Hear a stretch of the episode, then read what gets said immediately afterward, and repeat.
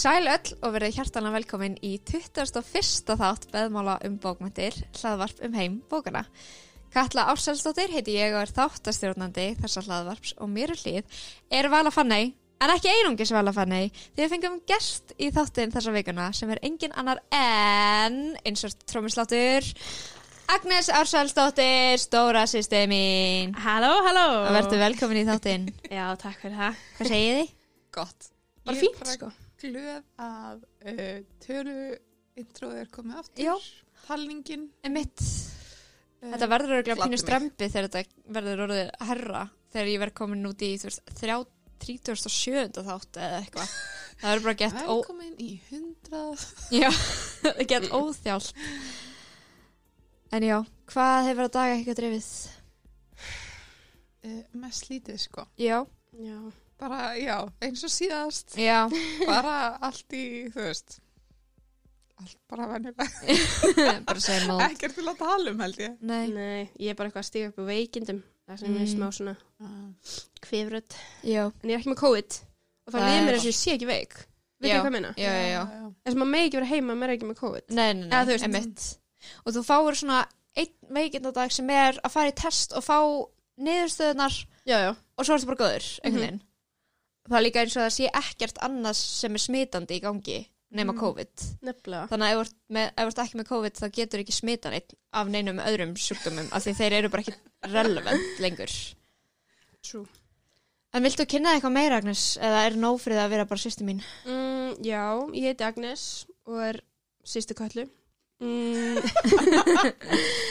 um, Ég er uh, myndlistamæður og félagsmyndstöðstafsmæður og um, áhuga eða vonandi áhuga garðirkju eitthvað Já. Ég var að ég var eignast garð þannig að mér langar ekki að mikið að Spennó. fara í garðin sko Jú, jú. og ég held, já Og hvað það. langaði að gera í garðinu? Er langaði að rækta eitthvað eða ætlar bara að planta, þú veist, trjá með eitthvað? Sko, mér langar að rækta eitthvað að matjústadæmi Ok. en svo langar mér líka að gera eitthvað svona fyndin beð svona eins og veist, það er svona alltaf svona reykjaugulókuð Mm -hmm. Mm -hmm. mér langar að gera eitthvað svona, vera með eitthvað svona kúrakahatt eða eitthvað í garðinum. ok, það er enda ógeðslega skemmtilegt. að vera með kúreka hatt. Já, í sumablómum sko það er Já. eitthvað svona, já það er ný, hérna nýjasta svona áhuga málum mitt sem er að hold Já, mér finnst það gott, góð orka í því, sko. Mér langar að sjá kúrikahættin, sko. Já. Langar að sjá þetta verða veruleika. Já. Ég er, ég er tilbúin að leggjast á fjóru fætur með þér og planta. tilbúin að grafa upp skriðsóluna Já. sem er öll, í öllum garðinum minn Ég er tilbúin að leggja á mig Ok. fyrir kúrikahættin. Veistla. Ég í bólusetningu, síðustu ykkur. Já, Það var stemming, sko. Heppin. Það var þvílik stemming. Það er svo allir í kringum mig sem er búin að fara í bólusetningu nema Já. ég. Og ég er bara, Sko, en ég er að reyna að minna mig á það að það er ekki allir búin að því. nei. Og þetta er alltaf læg. ég er ekki búin sko, þetta var svo dramatíst af því að ég fekk bara SMS 5 minútur yfir eitt á 50 daginn, bara streikamarki, bólusetning 20 mínútur yfir og ég bara, shit, ég hef korter. Og var nýri bæ og hringdi kærasta minn, bara um skuttla mér. Og með leið eins og Bella að hlaupa til þess að vara Edvard við Oh my god. í Voltúri á Ítalíu. Með leið þannig að því að bara eitthvað ég var í svo mikilli keppni við klukkuna alveg eins og Bella og ég var bara eitthvað á sæbrautinni og það var ógeðslega mikil umferð og það var líka eitthvað svona vegavinn í gangi þannig að það var ennþá hægar og ég var bara "Ah", eitthvað geðveitt þetta var, þetta var mjög dramatíst sko Oh my god. þetta var þvílíkt Ég fíla á sérst að tengja í Já. aðra þætti. Ó, þú ert svo I know. Þetta er crossvísun sko En Þetta var cross-vision sko, ég ætlaði fyrst að vitna í Fast and the Furious en svo fannst mér meira viðjandi að vitna í Mhm. Twilight. og ég hef líka fengið fyrirspurn um að ég mætti í mínu daglega lífi vitna meira í Twilight. Og ég er að pæli að reyna að taka, taka til mín sko. Ah, ok. mm Já, Spenna. ég er að móti þessu. Ég er strátt að móti þessu. Twilight Dæmi, sko. En ég á eftir að hlusta þáttinn, sorry, að því ég hata Twilight um, Takk fyrir hatar Twilight, sorry, þetta Sko, er mjög áhuga. Já, í- við, við þurfum eiginlega að tala um þetta Já, Við ok, þurfum eiginlega að tala um þetta hvað um, sem það? að því að sko ég hvað, Twilight kemur út, sko myndin kemur út 2009, ekki sett Jú, fyrsta myndin Mhm. fyrsta myndin, þá er ég 13 ára Mhm. prime time mm -hmm. bara, þú veist, ég var bókstaflega markkópurinn Mhm. en mér fannst þetta bara svo leiðinlegt. Þú veist, þá var ég ekki eitthvað svona að horfa á þetta með eitthvað svona kynjaglerum eða eitthvað, þú veist, að Mhm. pæli hvað Edvard er ógeðslega Curvy. gamall gaur. Já, hann er er ógeðslega gamall og ógeðslega gaur. En þú veist, að því að já, að þú veist já, ég, ég og Kall varum að tala um þetta áðan þú veist, ég fíla alveg Buffy til dæmis. Buffy the. Vampire Slayer, elska, elska það. Mm og þú veist, það er Það er líka það er mjög gott stöf Mhm. en þú veist, það er líka Angel sem er líka ógeðslega gamall Mhm. gaur. Já, eitthvað, hann, hann er líka pervy vibes. Er pervy vibes. En maður hefur samt eitthvað svona smá en þú veist, mér finnst bara engir karakterar í Twilight, skiljar við Nei, það er er eitthvað En er sko. það, hefur við þá bara hort á myndirnar? Eða Já. hefur við lesið bó... Já, ok, Ok, að því að sko ég skil það. um, ég held að allan eins og við höfum verið að ræða þú veist, þá meikar myndin sem ég ekki sens og ert ekki búin að lesa bókina sem er, sem ég finnst alltaf gett leim af því að þú veist, þetta er ekki sami, sami miðlinn og þú átt bara að geta staðið þú veist, mér finnst að myndin ætti alltaf að geta staðið sjálfstæð uh, burt sér frá bókinu, skilur, og líka eins og með leikrit og alls konar allt þannig, en það gera það bara ekki þarna, mér líður eins og ég sagði síðast þetta sérstaklega eins og New Moon er eins og trailer af bókinni já, já, þú veist það er bara að stikla gett stóru og ekki alveg verið að útskýra nógu mikið af hverju þetta er framvindan og svona já, já en ég er að pæla, þú veist, að ég man eftir að ég hafi verið Team Jacob á sem tíma, sko já, Mhm. um, En, En er ég- það því að Taylor Lotner leikur hann? kannski, ég Mm. veit það ekki eða, þú veist, Mm. að kannski líka af því að hann var bara meiri karakter en já Edward, mér Mhm. fannst hann bara ekki vera Þetta er náttúrulega ekki með neitt persónleika Nei. það er engin persónu enginni ekki Bella heldur. Nei, ég sko, Bella er Hún er líka bara passív. En þú veist, alltaf þegar ég eitthvað spyrir mig hvað mér finnst um Twilight eða þú veist hvað mér finnst um þau þá segi ég alltaf bara, mér veist Bella ógislega leðileg og Edward er perf það er bara þú veist, sumrar þetta sko Finnst fyrir okkur mér það almennt? Sorry, ég er bara núna, þegar nú erum við að tala um Buffy, þú veist, og Mhm. það sé líka creepy old guy. Já. Mhm. Eru þeir það allir? Þú veist, er það ekki bara? Af því þeir eru allir orðnir ógislega gamlir og eru samt Já. alltaf, en eða stoppa þeir í þroska, þú veist, eða er það Mhm. lífsreynslan sem að skipta máli? það er góð spurning sko já, mér finnst en sko mér finnst bara alltaf mikilvægt sko að við þurfum að taka til greina að nei, þú ert ekki þroskuð ef að eldri gaur er að reyna þig. Hann, En er hann eldri? Af því að hann hægt, þú veist, hann verður vampýra 17 ára.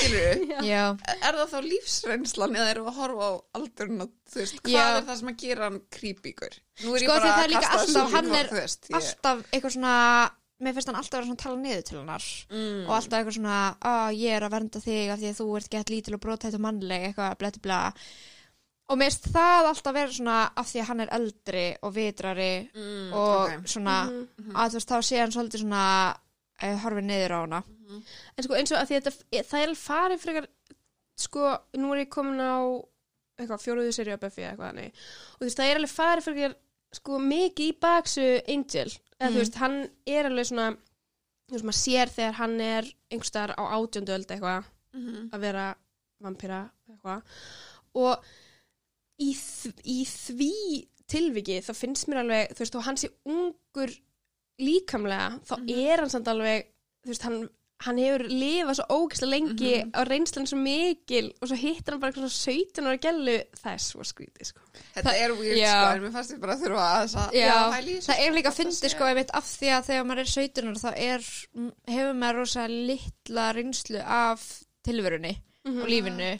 Og líka, þú veist, æ, sorry Já, neða þú veist bara svona flestir búa bara ennþá heimi á þú veist kannski fóröldra sínum eða svona sem þeir hafa Ah. alltaf gert og er svona ennþá bara í skóla eða þú veist, æ, svolítið svona Aha. Mhm. þetta er áður en að maður fer einhvern veginn kannski út að finna sína eigin uh, vekkferð, mm -hmm.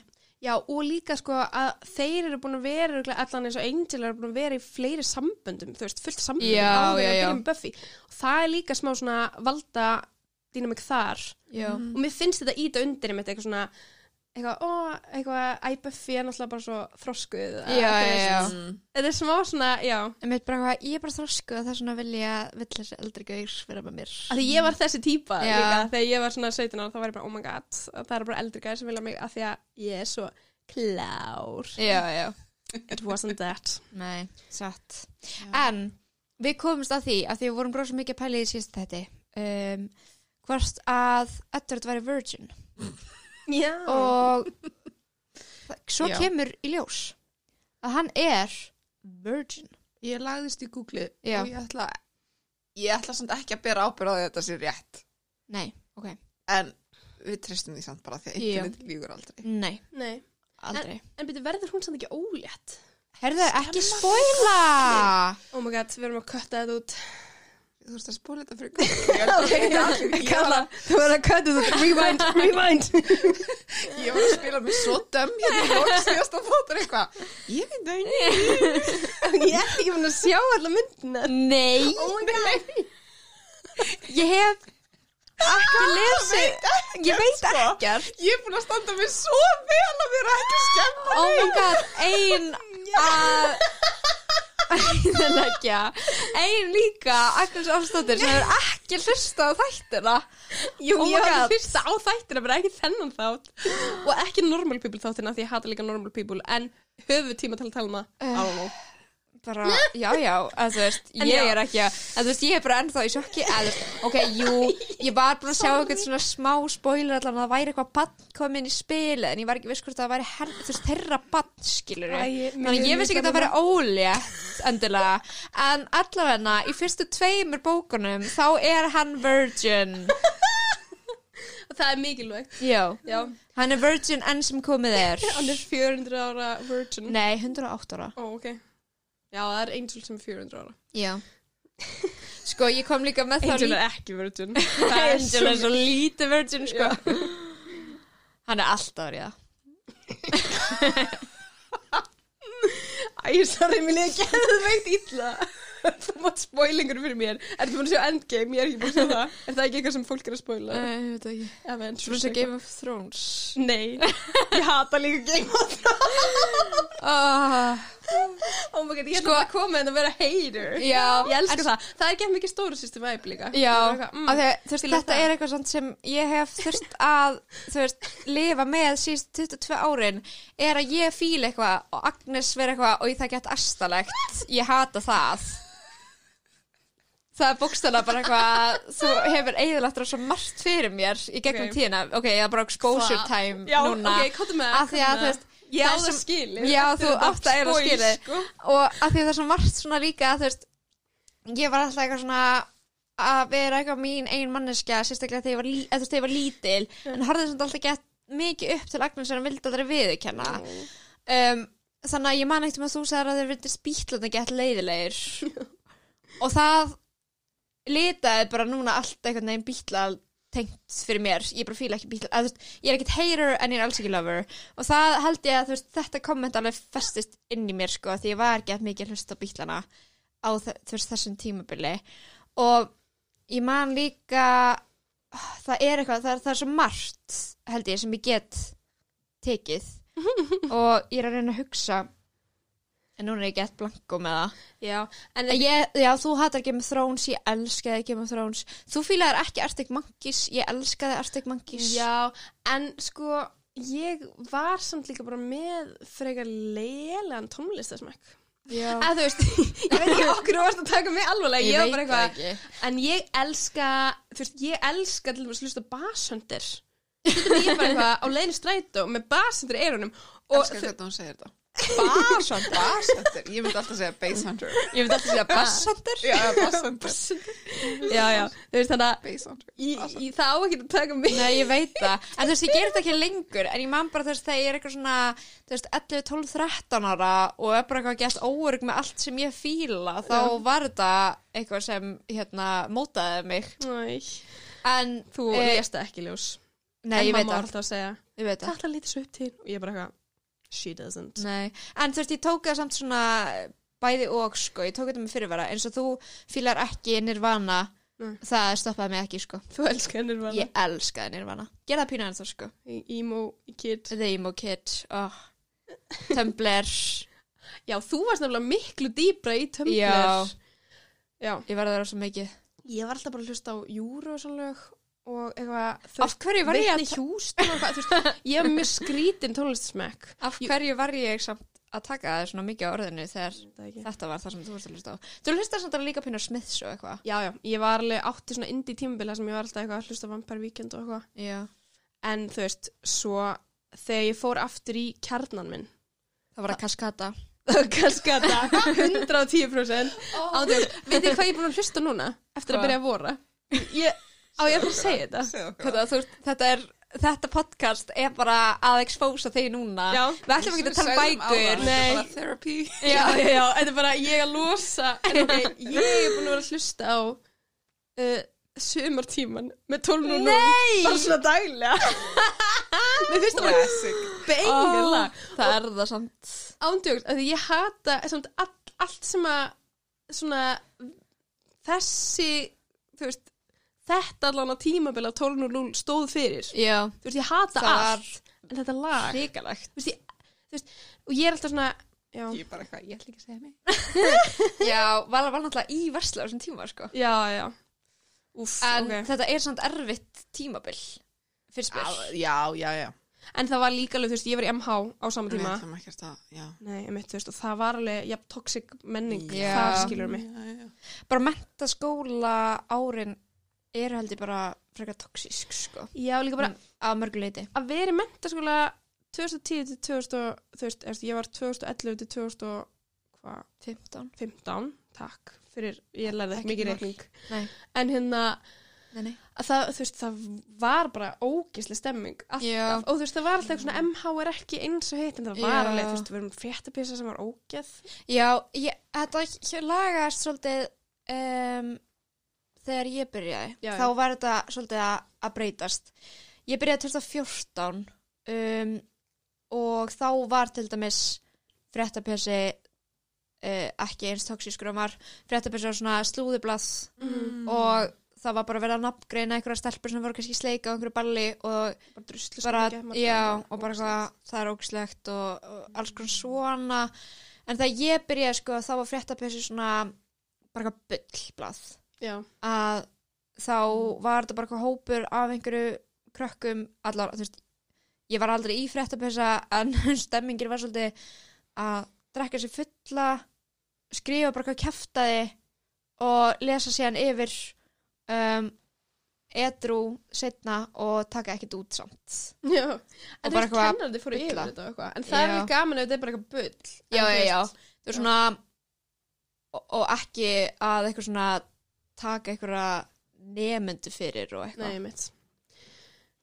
En talandum uh, en ég að mæla með. Ætla þú að Já, mæla með mæla. sumartíman sum... Nei, sko, ok, jú, að sjálfsög En Já. þú veist, of course Það er stemming, sko. Ég held sko Þetta er fyrst svo að þú værir stemmingslag, Já, sorry, þetta Já. lag þetta kom út, er það Þú veist, árið sem ég útskrifaðist Oh var God. þetta sem sagt ok, þú veist, um það vorið. er Og banger þá var þetta náttúrulega, sko, sumarið, þetta var bara sumartíminn. sko. já, Oh ok, God. ég get reynda ímyndum en það að það sé epíst sko. Þetta var, það var Já, rosa gott. ég var bara Já, ég elska þetta lag og þetta lag á marga góða minningar eins og mörg svona mentaskóla lög já, þú veist, ok, já, það er bara mörg eitthvað svona, ég ætla, ég ætla að mæla með samt ég ætla að mæla með uh, lagi sem að hérna er með DJ Mango og heitir Eurodancer ok. Ah, ok. held að heitir Eurodancer það er allan svona það er svona lag sem að ef ég get nenni ekki vakna mótnana þá setja ég það sem á Ah. Fun. ég skil það. Ok, ég ætla þá líka að mæla með lagi. Ok, Ok. ég ætla að mæla með Stars Are Blind með Paris Hilton gegja Ég sko, ég tweetaði um daginn, ég tweetaði mjög, mjög sjaldan, en ég tweetaði um daginn, mér finnst þess að gleymast í umræðinni, hvað Stars Are Blind eftir Paris Hilton er mikill bangjar. Af því mér finnst það gleymast. Mhm. Mér finnst þau þurfa að taka það meira í umræðina, sko. og ég man sko, ég downloadaði örglega í gegnum sko Já, eitthvað, eitthvað svona ótrúlega steikt Oh my god. í gamla daga. Ég man rosa, ég man eftir hérna YouTube að taka lög af YouTube Já. og downloada þeim Mhm. uh, sem MP3 eitthvað fæll.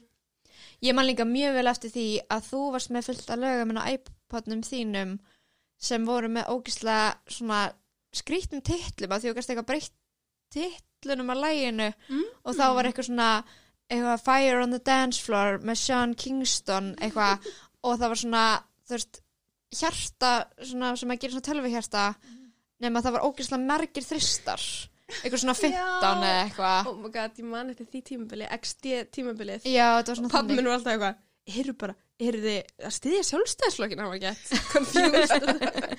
Nei, eitthvað. Ó, það er svona svo gott. Já, allir eru líka bara eitthvað XD, XD, XD, Sjálfstæðisflokkurinn höfum skatta. Áfram einstaklingsegja Það væri, Þetta er samt alveg pínu gott prómo fyrir sjálfstæðisflokkin já, þessi XD tímabil sko kannski hafa, að það hefur farið svona eins svona farið svona í undir meðutunduna hjá fylgta úlingum sem eru núna bara eitthvað að geta miklu susrar kannski, kannski er það. Ég veit það ekki. Ég veit það ekki. skoðum þetta, rannsökum þetta Það var enda líka mjög mikið að vera að vinna með XP. Já, það er píratar Mm, Er það? Er, Er það ekki? jú, örgulega, ég veit það ekki, ég náttúrulega? veit það ekki. Það er náttúrulega sko, það eru sömur flokkar sem eru með held ég, ástu þess að samfylkingin er XS til dæmis held ég Já, en það er sumir með annan staf. Já, eins og Einmitt. sjálfstæðisflokkurinn Já, Þetta er svona það er svona skemmtilegt. Það er svo er bara eh, kostningar í haust það Já, áþar maður að fara að rifið þetta já, já, það maður, maður þarf að passa að vita þetta, maður er ekki gljóðan. það, það er ekki Mm. bara að XV XD af því að það er flott kall Af því að þú geggi góði stuði, þú ert nýbúin að hlusta síma tíma og það er bara XD. Já. Ég ætla að hlusta suma tímar þegar ég gengir í kirklefa Ó, hún. Stemning. Nei, já. Með hverju mælir þú, Vala? Ú, nú finnst mér að ég þurfa að vera með pressa að velja lag. Nei, nei En ég var samt að hugsa leiðin að ég ætla að mæla með því að búa til svona breakfast burritos. Ú, Já, næs. um, að því ég bjóð með til þannig í morgun og það var næs. En svo fekk ég reyndar illt í magan og þú veist, það var leðilegt. En Já. Gaman á meðan því stóð. Já. Hvað það er líka- það að vinna með? Heyrðu, ég gerir scrambled eggs. Ok. Gott.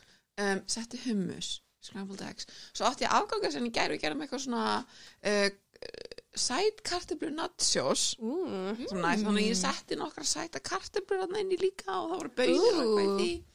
Uh, og bara kál og svo eitthvað svona trufflu sitt og það var bara mjög næs. Ah, Oh Þetta er líka svona eitthvað sem stendur vel með þér. Kartöblur, mm -hmm. uh, egg og bönir bara, Bara næs og svo bara Bara bara seriós já, ég skil ekki alveg serjós hérna menninguna nei. ekki sem svona stabi eða svona morgumat Mm. sko. ég skil það svona í millimál kannski Já. meira Sko mér seriós gott En ég held, um þetta, vera veist, Þetta er ekki matur sem maður vera sattur af Sem er kannski samt líka stundum gott á mótnana Þegar maður vill ekki Mm. borða eitthvað Geðveitt full mikið. Af. Því að Já. breakfast burrito er geðt næs. Mhm, en það er, og tekur tíma að Já, tekur tíma og maður er svona, hann er kannski svona fullkomin svona um helgar. Svona Mhm. bröndstæmi. Já, svo bröndstæmi sko.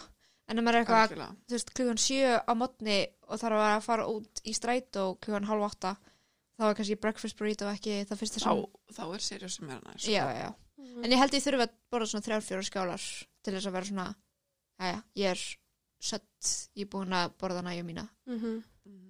En breakfast burrito, I like it. I like it. já, mér finnst það gott sko. Að því að burrito er alltaf góð. Já, þau klikka aldrei. Nei, Það er ekki hægt að gera vondan burrito. Nei. Að þú veist, nema bara að það sé eitthvað skemmt í honum, skilur Já, já. Já, einmitt, þetta er líka, ég elska, þetta er sama með pítsur og þú veist, þetta er svona, svona um, versatile. Maður getur bara sett það sem maður er í stuði Einmitt. fyrir. Mér finnst ekki að skrýta þegar eitthvað segist þau fá ógeða pítsu. Þú veist, það skil að fá ógeða og borða bara eitthvað margaríti dóminos, skilur Það er samt, Það er best. tókslega gott Ok, þetta er samt hlutur sem Agnes hefði seimað mig fyrir Já, já. að segjast finnast gott. En þú veist, Karla, þú ert, sko, nú ert þú að, að, að horfa á svona 15 ára mig sem að þú veist, sem var allir 15 ára er svo bara eitthvað, toxisk "Eh, ég, ok, ekki svo toxic, bara smá toxic, skiljum mig. Ok, ég er samt líka að horfa á tweeta á þig og ég er samt alveg líka að horfa á 22 ára þig sem ég að horfa líka á 25 ára þig sko. Sem er ég í dag. Já, Krakkar, það er drama hérna í salnum. Vala er sko fjölskyldur já, Núna- ég ætlaði bara já, ég, Ef að tala um það þegar þú sagði mér að ég var ættlit Ef að ræða það. Það er classic. Hvað er þetta? það var allir hérna? Það er, já. sem eldri systir þá, já, þetta er það er classic og ég er með Agnes í lið já, þau Já, ég þetta var gæti líka alveg púla eitthvað um þig en svo er maður eldri sýstir og maður er eiginlega, maður getur ekki gert það á sama hátt sko. Nei. Að því maður er alltaf, þú veist, valdastrúkturinn er þannig maður er alltaf yfir, skiljum mig. Já, það er eins mikið og allir litli bróður okkar vil meina annað sko. Já. við erum þá líka að sjá þetta matliti og, og Já, emitt Sjátt þetta á ykkur tvær. You're great. We love you. Veistu, ma- Saga var líka búin að eiga ammali þegar þessi þáttu kemur út. Skemmtilegt. Lið Til að mikið með ammali Saga. Já, Hún er around 12 years old. Hún er Vá. pottið að hlusta á það. Saga. Já, En Matta er kannski ekki að hlusta. Kannski. Allir er ekki að hlusta. Nei. En Matta er að hlusta Ef þú ert að hlusta Matta We love you. Ég hef, Mér lýður þessi svona útvarpinu eitthvað. Whoever is þetta. listening to this You're not alone. Já, ég vissum að þau eiga einhver svona stóru systir sögur af þér. Eins og þegar þú nefndir ekki að gera saman þau eru alltaf að tala um að Ah, Katla þegar- hafi einhvern tímann ekki nefnt að gera grillaða samlöku handa þeim og þau séu bara ennþá það er eins og þau séu hafi ekki fengið að borða síðan Já, já, já. þau eru bara eitthvað og þegar ég var fimm ára Já. og Katla sagði bara nei, ég nenni ekki. Og þetta er bókstælega sko þegar þau voru 5 ára. Og þau eru sko 13 og 15 ára í dag. Oh my god. þannig að þetta er já, þau tala ennþá um þetta. Og ég man eins og ekki eftir þessu. Að þú veist, ég hefur alveg gert hann oftar en einu sinni eða ekki nefnt að gera þetta samlöku en ég veit for a fact að ég hef nefnt að gera griðlega samlöku fyrir þau líka. Já. en það ég vil ekki muna það. Nei. nú, nú veistu hvernig þetta er. Já, en herðu Lestur. Bækur. Bækur. Tilgangur Þáttarins. einmitt. Sem er annar en eitthvað að ég og Agnes erum eitthvað að grafa upp eitthvað gömul sár. Þú ekki að rústa mig. Já. Oh, Getum við gert eitt podcast þar sem við bara eitthvað svona að rústa uh, gest okkar. Bara svona eins og þegar fræga fólki er með svona roasting. Já, já, já. okay. þá verðum við samt að geta rosta þig. Já, já, já. Ég veit ekki hvort ég trist fyrir það sko. Að rústa mig? já. Af því að það er of mikið til þess að rústa Nei, að því að þú ert hrútur. Mér, Já. Þetta er mjög mikið hrúta energy að vera eitthvað Að rústa, já. hafa róst Já, satt. Eitthvað, Ég er alveg peppið í það, sko. Já. Ég er alveg svona Ég er alveg viðbúin, sko. Mér er líka alveg gaman að láta rósta mig, sko. Mér finnst þetta alveg skemmtilegt. Já, sem er ekki mikið fiskavæp Agnes fiskur, sko. Ég er bara mjög sensitiv, ég myndi bara taka þetta mjög inn á mig. Já, ég það, hvað merkirtu? ég meia. Mm. en ég er Libra Moon sem ég held að segi Já, Já, eitthvað Ég er nefnilega- tilfinninga. Já. Ég er nefnilega sportriki í tungli Þess vegna finnst mér smá Já. chaotic energy í fíla, Mm. sko. Já, já, já, já. mm. Ég er bara, þú veist, já, ég er nöyt í tungli Já, já, En ég er bara alltaf eitthvað svona homebody. Já, ég er bara alltaf ekki að miklu þressögnum sjálf með því Svo er ég rísandi vóg Já, ég líka. Þú líka rísandi vóg? mm -hmm. Ó, damn. Hóti Þess vegna heldur, þess vegna fyrst fólki við vera svo líkar. Já, kannski. Að þú veist, mér veist ekki, ekki í útlitið heldur svona hvernig við erum. Já, Gulli yfirmann Agnes að sagði eins og það væri mjög erfitt ef ég var að syngja þannig held alltaf að þetta væri þú og hérna og þetta væri skrítið það er enda rétt Við erum mjög svipa rattir. Eða við erum mjög svipa rattir Þannig að sorry hlustendur ef þið þekkjar okkur ekki sundur Já, Ég er með smá kvef, vonandi ég hjálpa það. Já, ég held að ég allavega get greint ykkur. Já, ok. En sko svo er til dæmis eins og hérna vinu kærasta míns er tvíburi og Mhm. hann er með podcast með tvíburabróðu sínum og þeir eru einega tvíburar og þeir tala eins. Ó, wow. Mhm. Þannig að það er haldið ég það mjög. Já, I ég held like að það getur verið mjög erfitt fyrir hlustundur að að finna munn á þeim mm. Spenna. En viltu segja okkur eh, hvað bækur úr búin að Herru, lesa? já, ok, ég er sko búin að vera maskina lastrar maskina eftir Right. að ég kláraði uh, New Moon að ég held að ég að fengi svona með leiðin svo ég væri svona að losna undan einhverjum svona viðjum uh, Twilight og var bara eitthvað, ég ætla að lesa allt sem er ekki Twilight núna. Um, Ég kláraði lagsins Hestvík eftir Gerri Kristín sem ég er búin að tala um í sko sístu þrjáþætti eða eitthvað að ég sé að hlusta á. Hún bara alltaf lægi sittur ekkert endilega eftir en bara svona voða fín. Bara svona þægileg bók til þess að hlusta á. Og bara svona um, mjög svona, með, svona þægileg saga. Um, svo las ég Klón eftir Elina Eddu og Ingolf Eiríksson uh, sem er svona um, ljóðbók ég las Dýralíf eftir Auði Öfu hún var fín og með svo mjög skemmtilega pælingar uh, um einhvern veginn svona bara ljós, lífið og tilveruna mjög skemmtilega skrifi líka hún var pínu langdrein sem er fast pínu leðilegt að því hún er bara töður blæsir Er það nýja bókina? Já. Já. Um, en ég mæla með henni. Hún var svona, hún er sorið þrjár, koma fimm af fimm stjörnum. Um, ég las líka Bláþráð sem er fyrsta liðabók Lindu Vilhjálmsdóttir. Mér varst hún mjög næs, kemur þetta 1990 um, og já, fíla hana. Uh, ætla að lesa kannski bara meir eftir hennar Lindu. Mm. Og svo las ég History, leikir þetta eftir Kristjana Eiríks. Hvernig var? Mér langar að lesa það sko. Herru, það var mjög skemmtilegt sko. Ég held samt, þú veist, mér langar núna að sjá það í uppsetningu. Að því að það var náttúrulega þetta drama með uh, þetta leikrit og hérna Sisterbönd þættina sem var sjóum Simons Premium. Ég er samt bara ennþá búin að horfa á þú veist, tvo þætti af því. Ég datt út, ég nefndi þeim ekki. Um, Ó, mér finnst þér geggjör. já, Ég eftir að sjá það. ég held að þetta sé svona af því að það leið svo langur tími á milli þegar ég var að horfa. Ég var svona eitthvað, mm. Ég held að þetta sé svona binds þættir Já, sko. þetta er svolítið þannig. en mér finnst þess að við séum of seinar á lestina til þess að fara að tala um sko um, þættina og leikriði þarna Mhm. að því ég held að Já. sé allir bara búnir með Mhm. þetta drama Mm til maður geta að fara eitthvað að tala um eitthvað old beef um, og svo las ég Býr Íslendingur hér endurminningar leifsmúler sem Vala og Kristín Hulda meldi með Vá, það er rosaleg bók.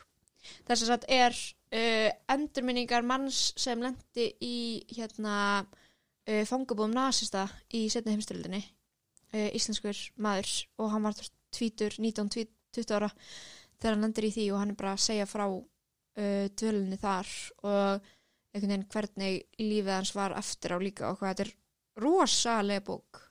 You. já, Hún er svakaleg. hún er svakaleg Ok, já. ok. eða þú veist hún er Hún er mjög áhrifamikil, finnst mér. Mér Mjög. fannst hún, þetta var ekkert svona svakaleg, en þetta var samt svona merkileg. Merkileg Já. frásögn. hún er mjög merkileg en mér fannst hún líka alveg átakanleg Mm. af því að ég var bara þú veist, ég sem þú veist, hef náttúrulega eins og bara flestir aðrir bara þú veist, heyrst mjög mikið, sé heimildamindir um þú veist, hvernig ástandi var og svona þú veist, fullt af bíómyndum, fullt af bókum sem, þú veist, fjalla um þetta en það var samt fullt af þessu sem ég var bara mjög sjökkrið yfir, sko. Og fullt af einhvern veginn í þessu ástandi sem ég bara, já, vá, þetta var Mhm. svona.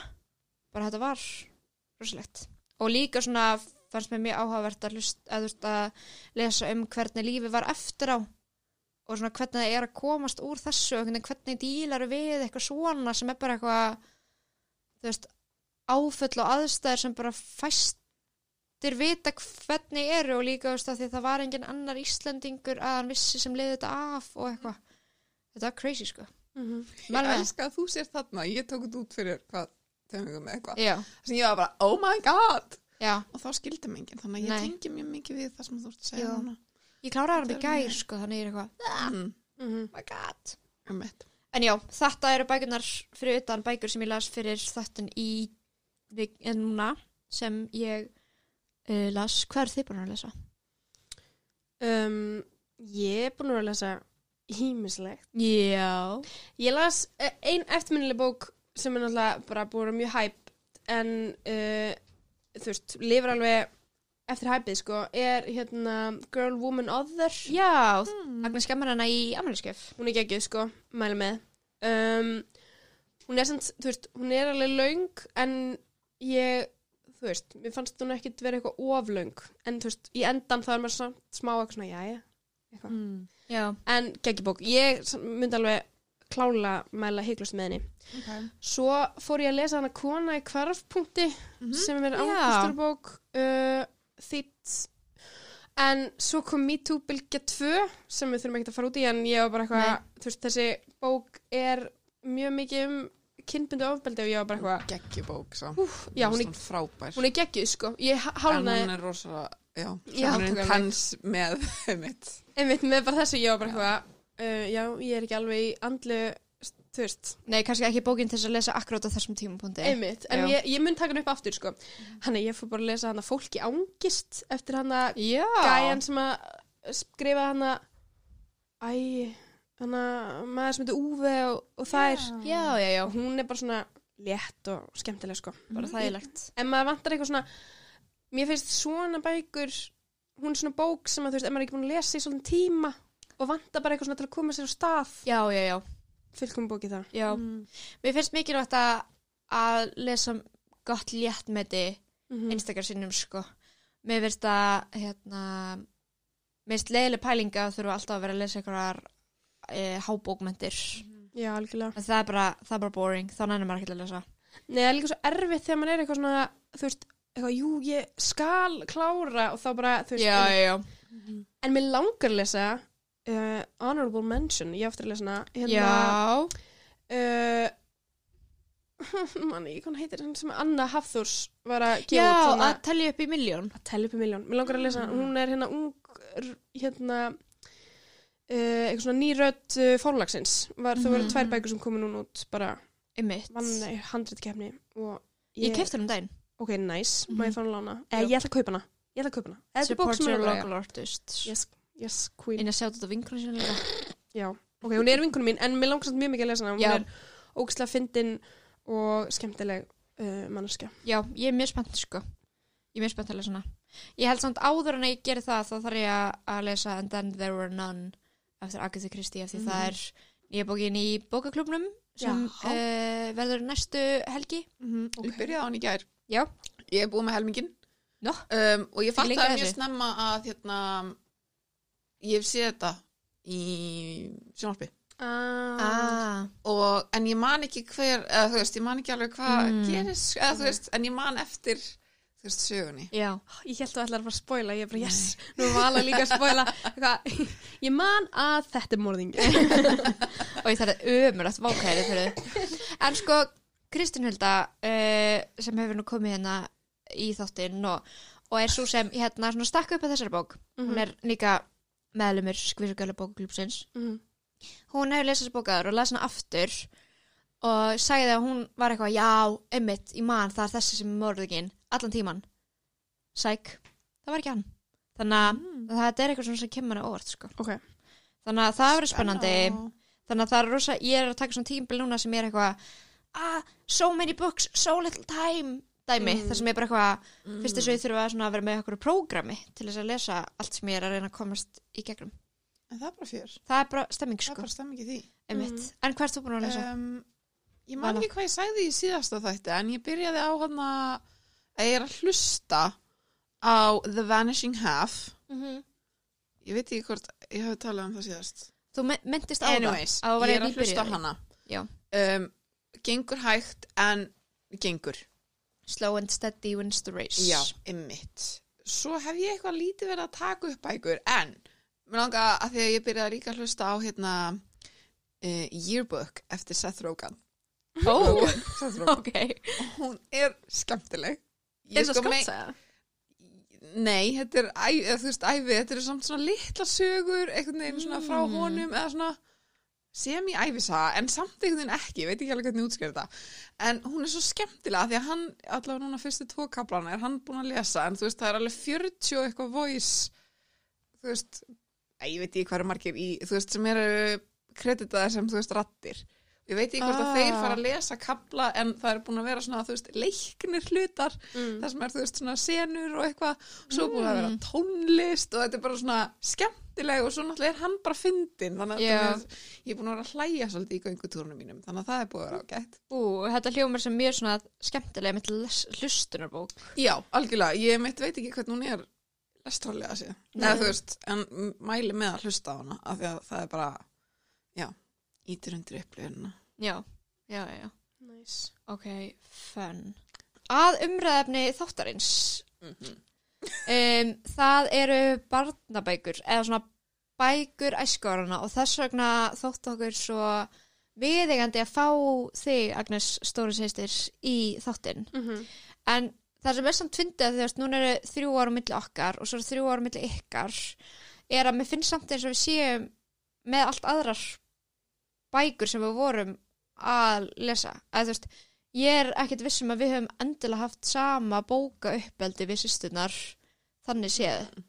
Að því að voru svona sumar bækur sem var svona all the rage þegar ég var, þú veist, kannski 8, 9, 10 ára og þá Mhm. ert þú svolítið búin að missa af þeim þegar þú ert þá, hvað, 13, 14, 15 ára Já, já. að því er svo, svo lítill rammi endilega sem maður er að lesa sömur bækunar Já, það er náttúrulega, þú veist, það eru klassískar bækur já, já, já, og svo erum við þessar svona sem að eiga kannski meira við svona ákveðin tímabil. já Einmitt.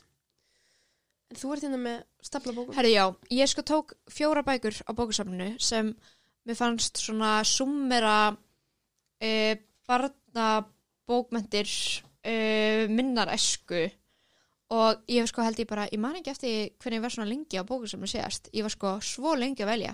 Og ég var svo mikil nostalgíu hæsti, það var Ég ótrúlegt. bara kofir hérna á einn og ég fæ bara svona fyrring. Já. Já, nefnilega. en hérna ég las tvær og hálfa. Ok. en til þess að vera hreinskilin þá er ein bók sem satt alveg á hakanum og ein sem hérna ég náði ekki að klára. Um, en fyrsta bókin sem ég las var Einhyrningur minn. Oh, eftir? Lindu Tjappan já ég las hann alla Oh my god. um, og hún Ég sko skælbrosa, ég sjá ekki en ég bara, wow. þetta cover er svo mikil er en það sem ég feilaði við þessa bók er ég tók sko bók nummer tvö þetta er bókaflokkur Ah. Ég tók bók nummer tvö. En á samanskapið þá held ég hafa ekki það mikið gerst í bók nummer eitt. Af því að það gerðist í rauninni voða lítið þessari bók. um, sko þetta er, sagt, um hana Láru sem á einhyrning. En það veit enginn að hann er einhyrningur því hún þarf að fara með töfraþölu til þess að hann verði einhyrningur. Mm. Og það er lindamál sem þau eiga bara þau tvö, hún og skignir hesturinn hennar. Og í þessari bók þá uh, hitta þau hestin Rökkva sem þorir ekki að taka stökk svona yfir svona spýtu og þau eru að reyna að hjálpa honum í gegnum það Æ, æ, Og- þetta er eitthvað svo er innusend og það er, þetta er, þetta er þú veist, þessi bók er sko alveg 125 blaðsjör en alltaf stóri stafir og svolítið mikið á milli og svolítið um hérna svolítið um myndum en það er bókstala það sem gerist í þessari bók. Ég las sko ekki þessa bók af því ég tók svona Not Like Other Girls. Uh, tímabil Ah. þegar varst 8 ára eða eitthvað Já. þegar- já, svona þriði fjórðabekkur þá var ég svona Já. tomboy og Já, ég var bara, oi, ég glimmer en svo inn í mér elska ég þetta sko Mhm. en já, þannig ég mista þessari frábæru bók Leilegt, en ég, Já. af því ég er nú eldri en því báður, ég las þetta. Finnst áhugavert að þú hafi sleppt í. já, en það var er já, þú varst að gangi í gegnum ég var í tímabil. gangi um tímabil sko. Já, mér fannst samt sko, mér fannst þetta ekki skemmtileg bók. Um, ok, þú veist, ég, vissulega er ég ekki þú veist, 7-8 ára en þetta er svona, þú veist, þetta er ég hugsaði að þetta væri rosa mikið svona þegar maður er að læra að lesa bók, mm, þú veist, þetta er svona kannski eina fyrstu bókun sem maður les Mm heilt yfir, eða þú veist, heilt í gegn. Hvenær kom hún út? Getur þú uh, séð það fyrir mig? Já, hún kemur út hún kemur út á íslensku 2003 já, og hún kemur út 2002 en sko, Já, ég var nýjára. já, Þannig að þetta er alveg svona fínt þegar maður er búinn með einmitt svona læra að lesa tímabil og ekki Já. að fara að henda sér, sko, ekki í úlingabækunar, lengri bækur. Já, Já, já, já. já, já, einmitt. Af því ég hugsaði sko um, að þetta er ekki bók til þess að lesa með batterniðinu. Þú veist, það ert fullarðinn og ert að reyna að lesa með batterniðinu. Ég myndi ekki mæla með því allavega. Af því að ég man sko, ég hlustaði einhvern veginn erindi fyrir ekki svo lengu uh, með henni Kristínu Helgu Gunnarsdóttur sem er rithundur og skrifaði þessu Fíu Sól og svona er barnabókahundur Mhm. og hún tar alltaf um að það væri mjög erfitt að e, skrifa barnabækur að þú veist það væri kunst að því að þú ert bæði að skrifa fyrir börn en svo ertu líka að eh, skrifa fyrir fullorna já, já. þú þarft að skrifa barnabók sem getur líka verið skemmtileg fyrir uh, foreldra og svona. Um, þetta er ekki ein af þeim Nei, ah, ok. en mér finnst það líka að það sé mikilvægt að þú veist hafa einhverja bækur sem eru bara pjúra fyrir börn Mm sem Mm. er, þú veist, einmitt, þetta er alltaf í teiknumdum líka, allt svona eitthvað fullarinsbrandar og eitthvað Já, já. og ég skil það og það er mjög það næs fyrir fóreldra sem þurfa að horfa á þetta þrísum á dag og eitthvað. En mér finnst samt eitthvað svona svo fallegt og einskjart við að skrifa bara nei, þetta verður ekkert gaman fyrir fullari fólk. Já það er svolítið þessi sko. En líka með þetta, þú veist, format, þú veist, að því að hverjum dreymir ekki um að geta að tala við dýr og þú veist, að Já. eiga lindamál með dýr, eða þú veist, það er eitthvað Já. svo ótrúlega eitthvað svona batna, eða ég Já, allavega og veit að ég var þannig að mér langaði bara að geta að vera eitthvað svona, nennar bara að segja eitthvað. já, Ég lofa að segja engum, skil. einmitt og líka svona af því að það veit enginn nema þau tvö Já. að sæk hann er einhyrningur Aha. nema svo var eitthvað svona smá drama meðan hann rökk, eða það var ekki drama eins og spí, eða þú veist, eitthvað vill ekki stökkva. En hérna að að því að hestar skinja einhyrninga en bara hestar og þá var þetta svona, ú, Ah. ok skegnir hestar minn er að fara að kynnast öðrum hest. Þú veist, er hann að fara að uppljóstra leyndarmálinu? Sem hann gerði síðan ekkert, skilur hann var bara eitthvað ég vissi það. Mm, Ég vissi það. og það er eitthvað, já við vissum að þú myndi vita. Ok, skemmtilegt. En já, það var bókin. Um, síðan las ég Eva og Adam síðasta náttúttapartíið þetta Um, elskaði ég. sem er uh, saga um þau Evu og Adam.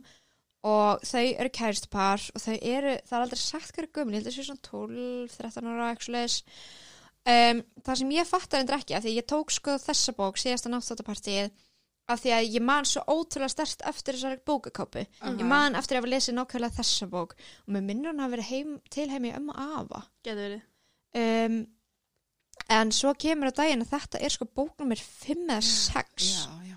þar eru rosa margar já, um, sem ég bara uh, hafði ekki áttum á því ég held að ég hef bara lesið þessa Eva Adam bók svíðanir Ah. voru að drita þessu út sko. þetta já. að reytis út Þetta var, þetta, þetta voru bestu bækurnar, já, sko. Já. ég man líka eftir að það var uh, búin til mynd mun já, eftir ég man Já. Eva og eftir Adam myndinni myndinni Ég, var, sko, ég googlaði þau bara ný- nýlega eða þú veist áður en við fórum að tala um að gera hann þátt samt af því Ok. ég fekk bara svona hvað ætli ef Adam krakkarnir sé að gera í dag af því Mm. þau voru svo sæt og þau Já. voru eitthvað svo sænsk og þetta var eitthvað Þetta svo fallegt og þetta var eitthvað svo svona ah, ég, af því mér er svo gaman að vera eitthvað svona hvað eru barnastjórnir að gera? Já, já. allir Já. leikarar í dag Virðist, eða, ég man ekki sérstaklega eftir því.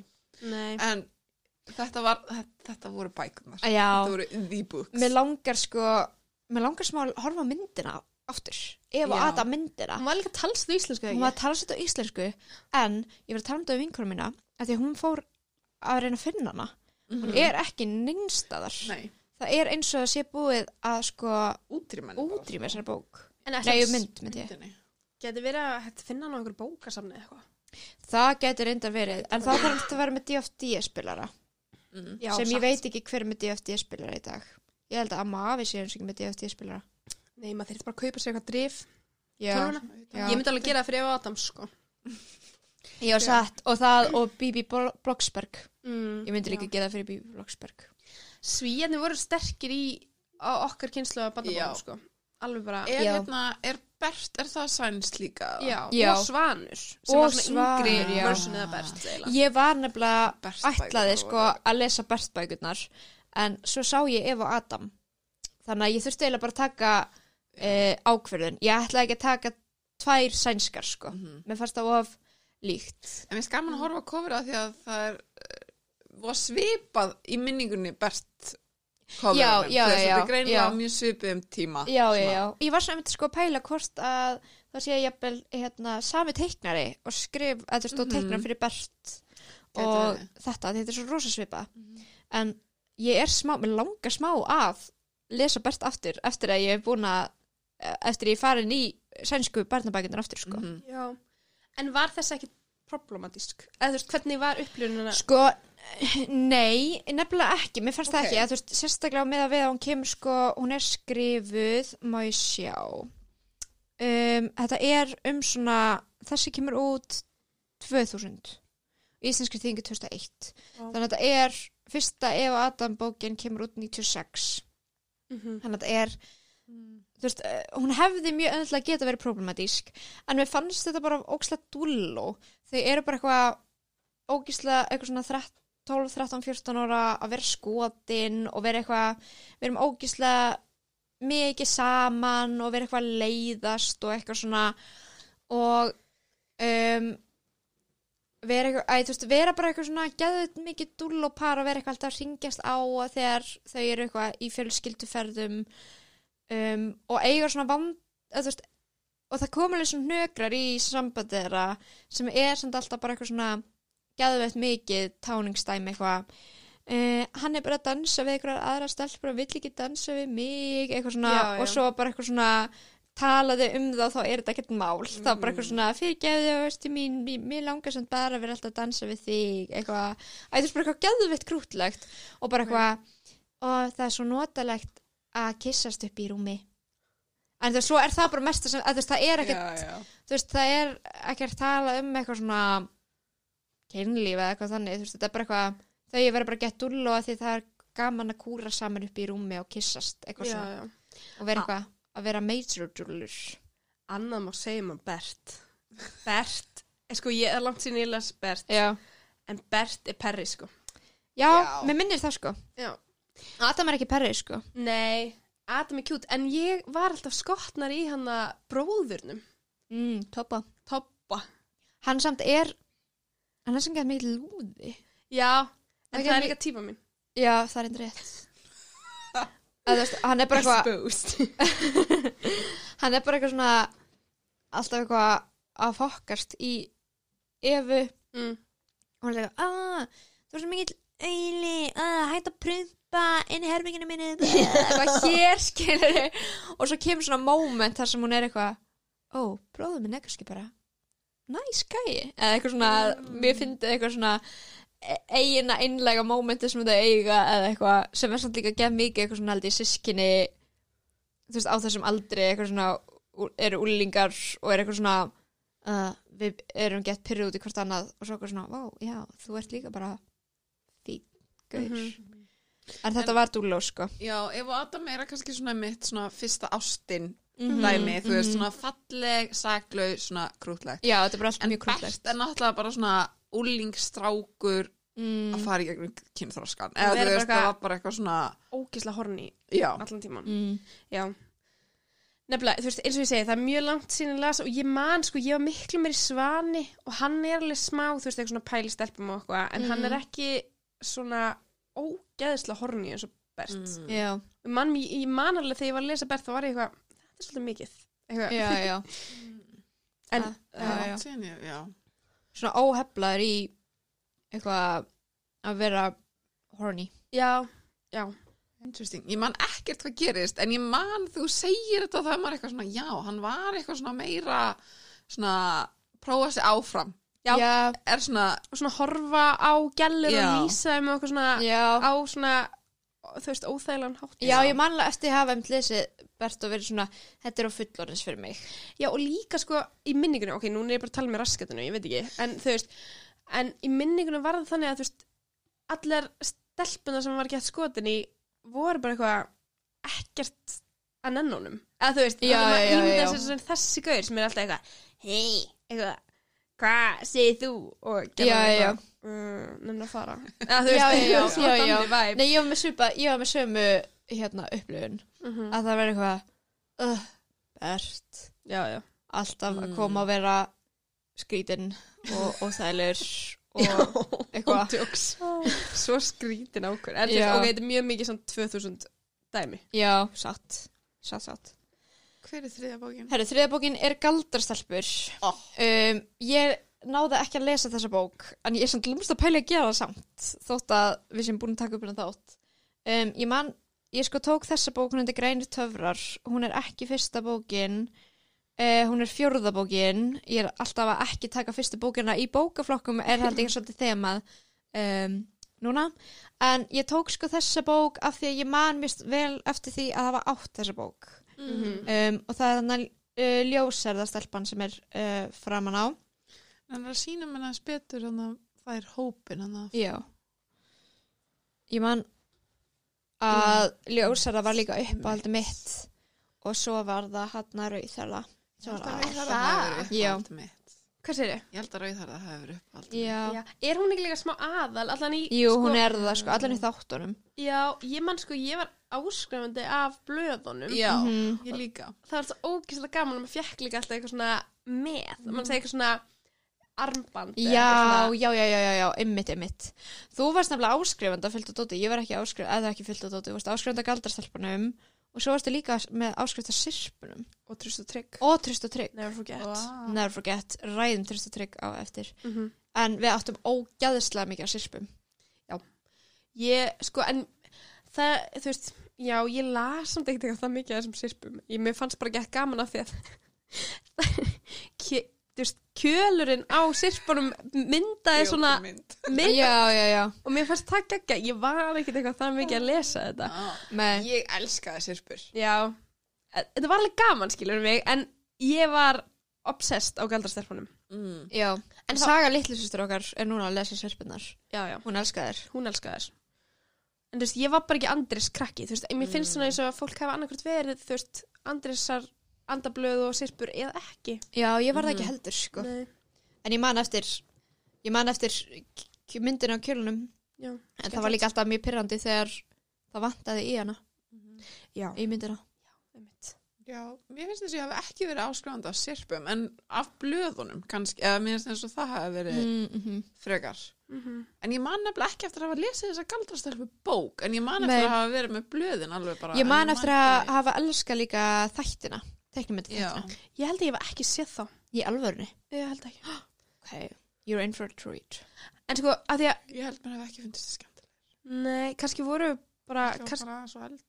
já Ég held að ég hef líka bara verið svona, þú veist, ég hef verið verið svona 4, 5, 6 ára að horfa á það Já. og fyndist það ekki að geður. En Já. þú veist, fyrir þá sem ekki vita þá eru galdrastelpunar, þú veist, fimm stelpur Mm -hmm. sem er eitthvað svona þetta ég las sko Viki fan peiti Ok. þar og þú veist þær eru svona einhverju vendarar jarðarinnar leist, þú veist þær eru og þær Mm. eiga Mhm. allt sitt eigið element Já, já, já, um, einmitt. og það var alveg gaman að þú veist að lesa um það, mér fannst það alltaf læg en mér fannst alltaf miklu mér spennandi að því að svona um, þú veist oft byrja blöðin á skólalífinu þeirra eða svona Já. þeirra svona þú veist, Everyday life. Já, já. Og svo kemur eitthvað svona galdra lífið þeirra og þær eru eitthvað að berjast um eitthvað skrimslu og eitthvað. Og svo kom ég aftur og mér, þú veist, stundum spólaði ég yfir, þú veist, galdra sem er, þú veist, alvöru um, þú veist, það sem þetta er um. En ég var bara eitthvað, nei, mér langar bara að vera með eitthvað strákadrama, ég elskaði það. En þú veist, Já, já, já. Ah, nice. Veistu hvað ég gerði um daginn? Þetta er off topic. Ég, hérna, ég byrjaði að horfa Kim Possible ok, slay. Með sögu lillsustrókar og það eru í alveg mjög skemmtilega þættir. Ég held að ég hef verið meira að horfa á þetta heldur en hún, sko. Af því það er líka alveg smá strákadrama en það er samt líka bara eitthvað, hún er bara gett mikið badass. já, ándjóks, Kim Possible vá, Mm svo mikið. Líka villinni í Kim Possible. Sjúklega heit Hún er mjög heitt. það er líka svona, ég held að sjá TikTok eitthvað svona að fólk er að þú veist ho- sjá Kim Possible sem svona eitthvað svona sexual awakening Mm sig. Já, já, já. Mér finnst bara gaman að því að það eru ennþá í dag mjög margir með hljóðið þarna sem SMS-tón. eða Já, dun dun dun Já.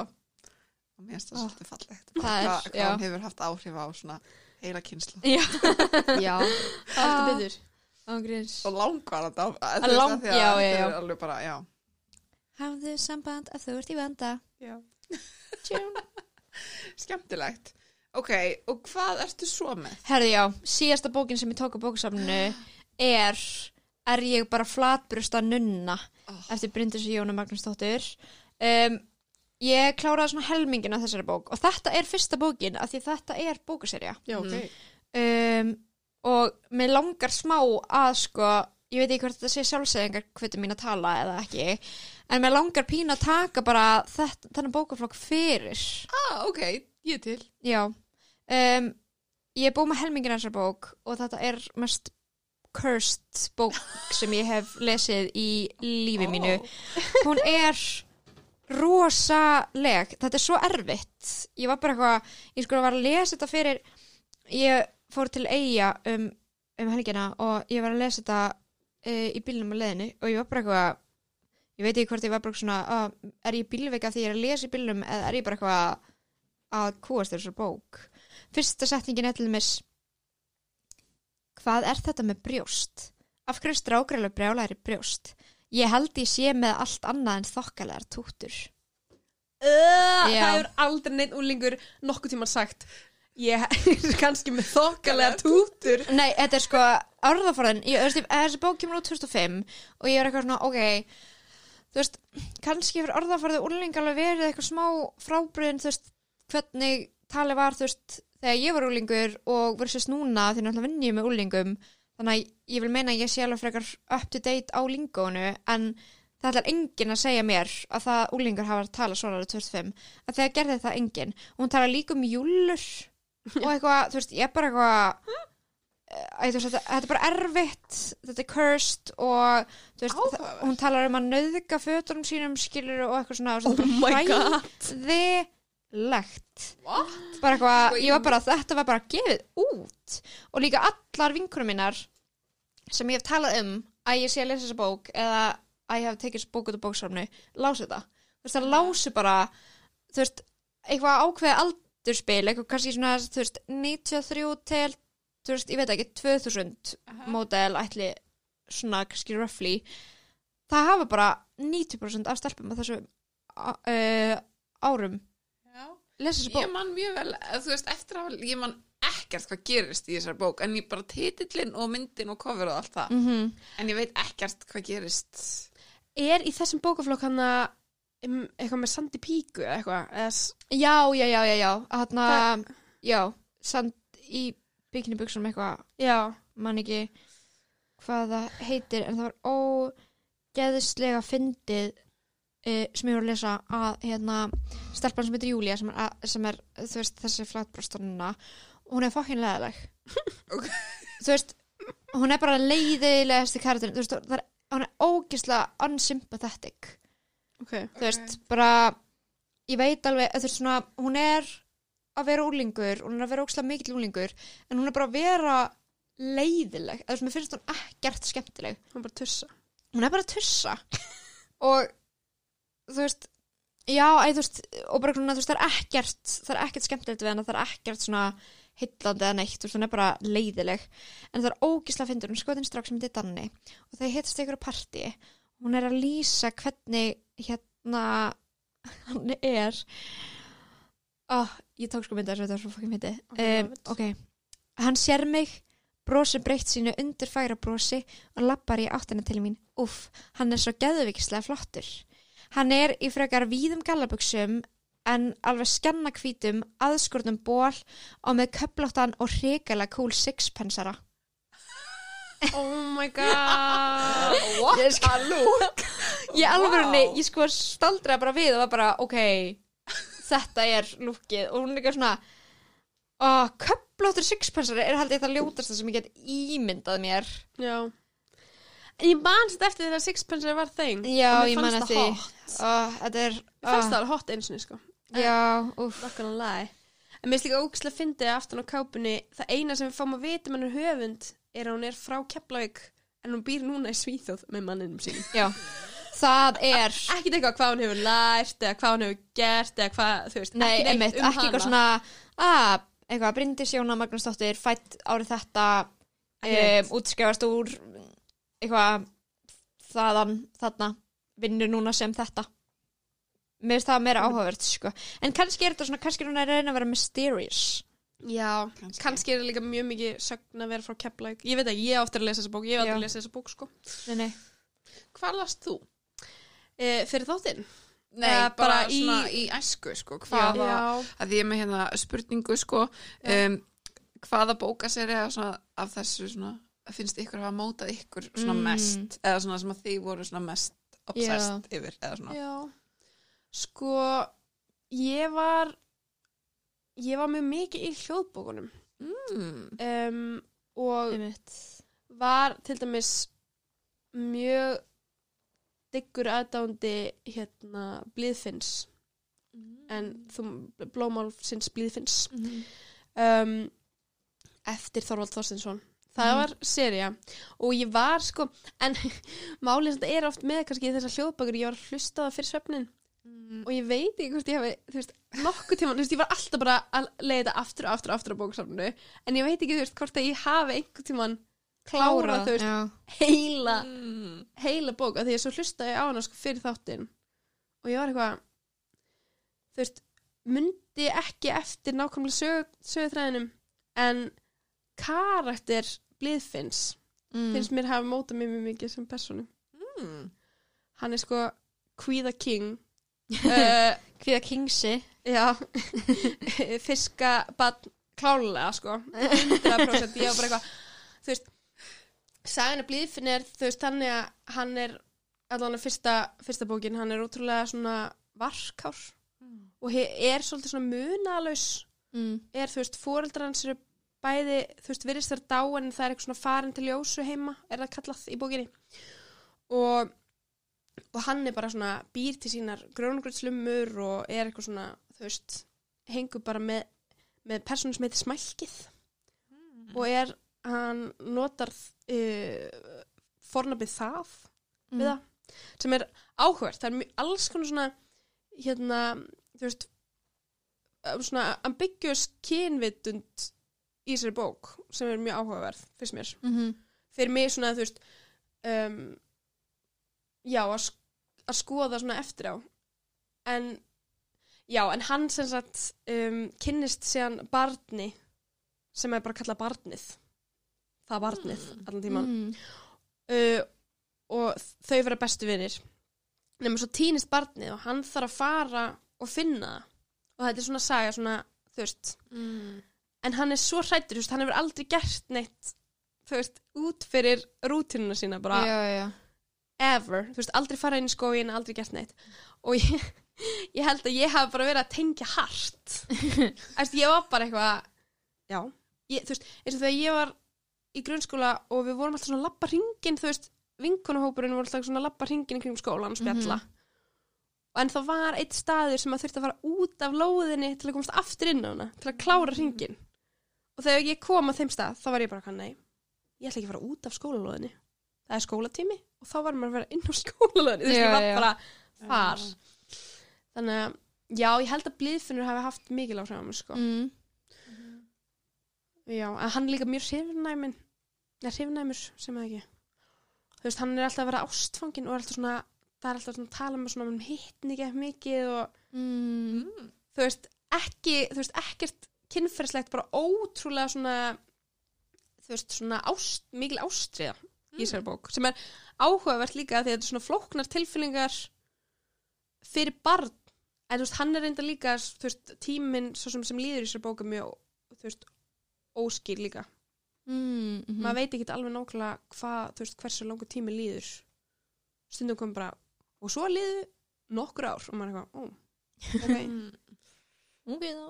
Gæti þetta verið þá svona bók sem gæti verið mjög áhugavert að um, lesa út frá svona hinsegin fræðum og svona þannig eða? Ég veit það ekki, ég veit, veist, ég veit ekki hver ásetningunum var við að Já. skrifa, þú veist, af því að það eins og við vorum að tala um, þú veist, það er ekki komið, þú veist, það er ekki komið, hérna, þriðja persónuformið eins og er núna, sem er hán, Mm -hmm.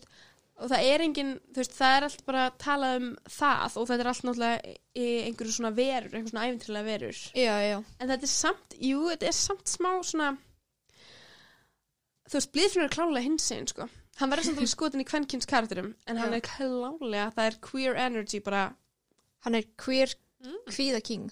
queer queer king, já, Já. nógulega. Ég var að tengja hart. en, já. Já, þannig myndi ég segja svona, það er, já, svona mín serið sem ég svona, það er fyrsta sem ég, með dætt í hug, sko, þegar ég var fór Mm. að hugsa um Mm bækur barnaskunar. Já. Ég veit ekki, sko þegar ég hugsa um ef ég er að hugsa um bara svona bækur sem lesa grunnskóla þá er það bara Eva Adam Já, og Já. Bert Mm. eða þú veist, það er Mhm. einhvern veginn var bara svona Mm okkar þeng, eða ég veit ekki Já. Ég las svona sagamálabækur, eða svona batnasagamál, svona, um, svona hérna Enid Blyton bækunar Nancy Drew bækunar Lancy Drew, já, ég las það. Ég las ógislega mikið Nancy Drew Já, ég las mjög mikið Nancy Drew. Ég las hérna las ráð, hérna fimm ráðgátu, hérna fimm, hvað hétt það eitthvað, fimm á og svo kom titildin hérna Enid Blyton bækunar svo las ég svolítið hérna Þorgrim Þráinsson um, Já, það er líka svalsta sjöan. Já, ég las og hendur aldrei þær tvær en ég las bækur eftir hann svona sem var kannski aðeins Mm, uh, nýrri Já. og svo las ég það var einhver önnur serið sem hétt eitthvað svona Nonna og Siggi eða eitthvað sem var líka svona mystery bók Já, Bækur. mér rámar í þetta já og svo las ég Ditta og Dauði kötturinn Og þetta döðu kötturinn, það er svo skrítið dæmi. Það er mjög skrítið dæmi. Ég man eftir myndir líka. Já, ég man eftir myndir líka. En ég man eftir að áttana, ég las hann alveg nokksunum. Ok, ég man líka eftir bók ég veit ekki, þú veist, hún kom sko út 2007 þannig að hún er kannski, kannski eru, þú veist er ég svo eina sem tengi við þetta en það var hérna leyndarmáli hans pappa sem er sko bók, íslensk bók um, og hún er sko þetta er svo steikt bók, hún er svo cursed það er svo skrítin tekningarnar eru svo creepy að það sko er bara eitthvað svona um það að pappi er sem er lindarmál um, mann þetta mjög gróflega og lindarmáli er að hann er mannæta. Uh, leyndamála hans pappa, það hljómar svo óþægilega. Já, og þetta er bara, þetta er það óþægilegasta sem ég hef lesið í lífið mínu. Og ég hef ekki lesið þetta síðan hún kom út, þú veist að ég var svona, ég var svona 8 ára eða eitthvað, en ég hugsa stundur reglu um þetta ennþá, ég þarf að veila bara ég ætla að sína ykkur teikninguna líka framan á bókinni, hún er óþægileg sko. Ég man samt oft, þú veist, ég las skúla skelfi. Það er náttúrulega einhver Já, svona já, já, um mitt En það var smá, ég las hana smá af því að ég þurfti að lesa eitthvað í skólanum. Já, og það var easy að lesa hana. Mm. smá. Þú varst svolítið gæsaðu líka. Ég las smá gæsa út, ég held ég hafi vilja að lesa meira en ég var viðkvæm sál. Ég man bara að ég Já. las hana fókin gæsa bókina sem er grafin lifandi. Oh my god, já, við áttum hana Það er hræðilegt. Ég las hana líka Ég las hana því þú varst að lesa hana Já. En ég var líka bara svona, ég held að ég veri alveg verið svona áttar til að Það er ekki góður aldur til þess að lesa gæsaðu Nei, ég hef líka oft verið að pæla, ok, að því að þú veist, nú er alltaf svona verið, mikið verið að tala um þú veist að, eins og svona, þú veist, það er alltaf verið að banna myndir og svona ákveðin töluleikir séu ekki við hæfi við ákveðin aldur og eitthvað. En fólk er alltaf ekki að ána þegar börnin sinni lesa. Eins og ég man bara eitthvað þegar ég var 11 ára, þá las ég einhverja Lísu Marklund bók Já, sem er bara, þú veist hérna, glæpasaga mm sem er bara með mjög explicit kynlýsatriðum og eitthvað og það var allir bara eitthvað "Ah, svo gott að hún Agnes sé að lesa. Eða þú veist, -hmm. að því að það og svo, þú veist, bækur geta alveg verið cursed. Já, eins og er ég bara flatbröst runna já, Það er cursed. Af hverju, var, af hverju er þetta bátanbók? og þetta er bók sem að engin, ekkit foreldri er að fara að lesa. Þú veist, þetta er Nei, ekki nei, bók nei. sem, le- þú veist, þetta er náttúrulega úlingabók kannski meira líka. Ég var sko áttara þegar ég las Arnald í fyrst skipti.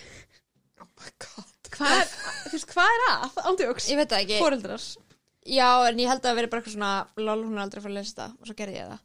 Já, já, Og ég las líka hérna sko uh, strákurinn í röndótti náttfötunum. Oh Ég las hana sko í fimmtabæk Ég var tí ára.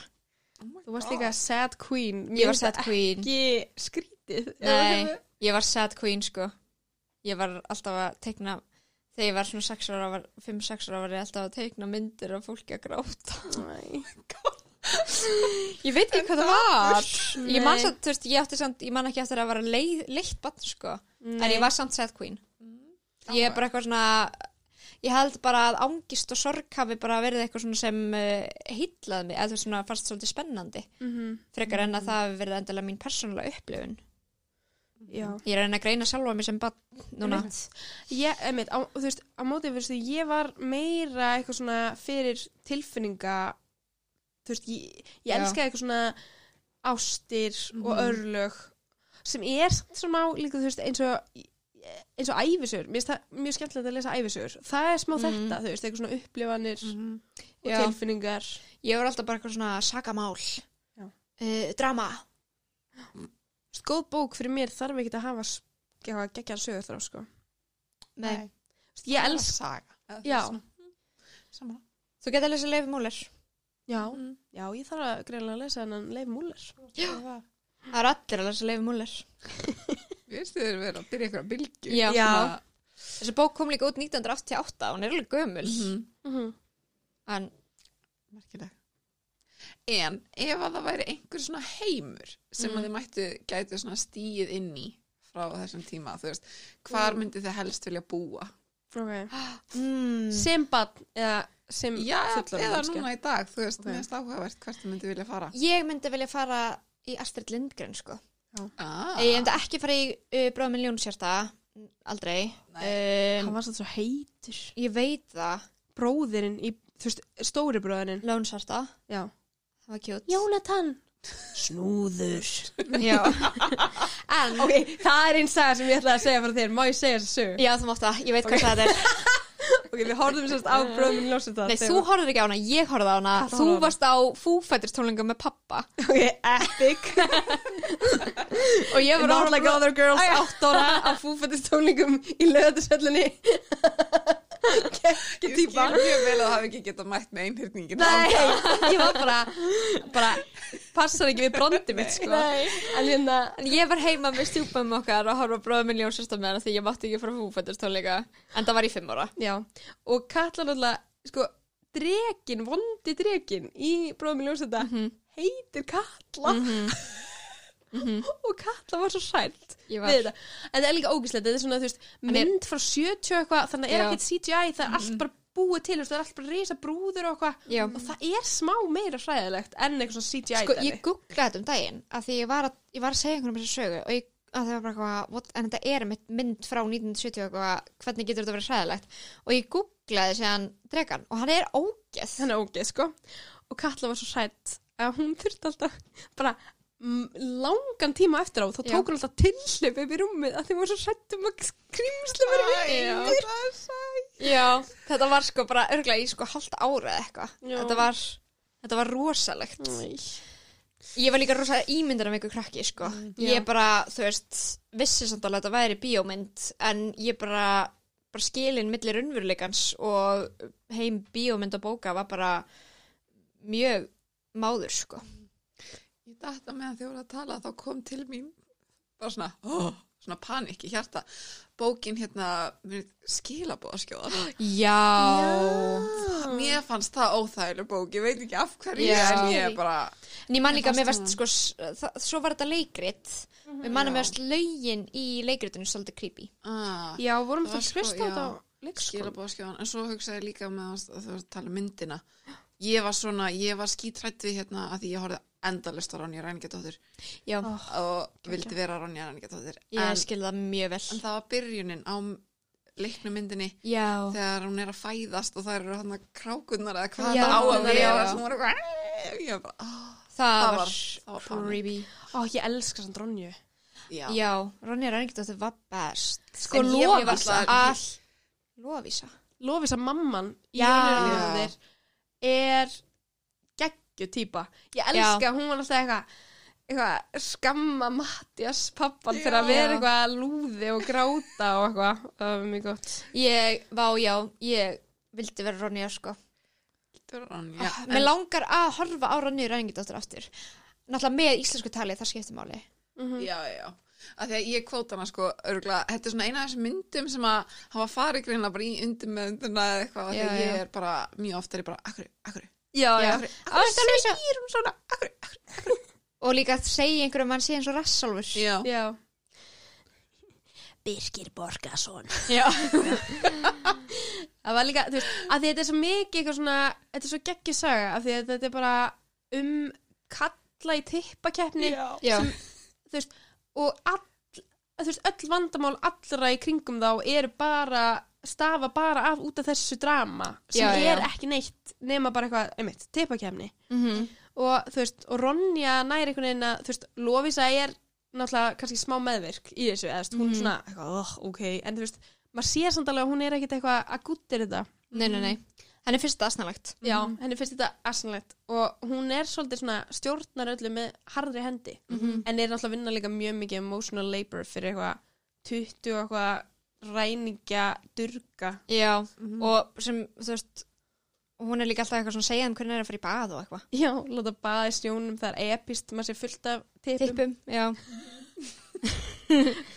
En ég ætla að segja hérna að Þorvaldur Þorstinsson uh, sá sem skrifaði Blíðfinn, Mhm. skrifaði líka skilabóðskrifana einmitt, hann gerði það og gullna hliðið minni mig líka Interesting. já, Já, en svo er ég núna að hugsa hver, í hvað heimi ég myndi vilja vera. Ég náttúrulega var lína lánsokkur. já, Það var bara, það voru ekki skil þarna á milli. Eða, þú veist, ég var lína og ég held ég að helst myndi vilja vera lína. Já. Og sko leikna línumyndin sem að koma nú, ekki, það sem er Conrors gæða klístur og allt það, það sem er að Mhm. kljóra, það var bara, Ó, það var svo var góð ég, sko. mynd ég myndi vilja vera sko í hérna börnin í Ólótagarði Ah. Eða lott eða Lottu myndir, en mér finnst Lott alltaf leiðileg Lott er leiðileg Já. típa en heimurinn hennar er svo fallegur og ég Mhm. manna, þú veist, mér varst fóreldra hennar alltaf eitthvað svo næs og hún átti svo fallegt heimili og það voru allir eitthvað svo huggulegir Mhm. Já, sko, ég held að ef ég var að svara fyrir nýjára mig þá myndi ég vilja vera í Eva og Adam heiminum það sem var normaliserað að vera í sambandi þegar ég var spann. Að ég var alltaf bara eitthvað geðum ekki að fantasera um Já. eitthvað svona kærasta og eitthvað. Ah. já, já, en það var ekkit í gangi. Þú veist, það var ekkit að frétta hjá ekki okkur sko. ég var mjög ástsjúkt barn þú þannig að varst það, ég man eftir því núna þegar þú segir það. Mhm. En þú varst líka ástsjúkt barn. Ég var mjög ástíkt barn, það er rétt. Er þetta skilnaða bara stæmi eða kannski, en kannski, það ég veit það ekki heldur, eða, hvað, hvað heldur þú var það? hvað heldur þú vala að ráðgjafa okkar Já, ég hérna sem fjölskyldur í dag, uh, ég veit það ekki, en ég var svona smá líka svona, Mm en ég veit ekki alveg, ég veit ekki hvað þetta er.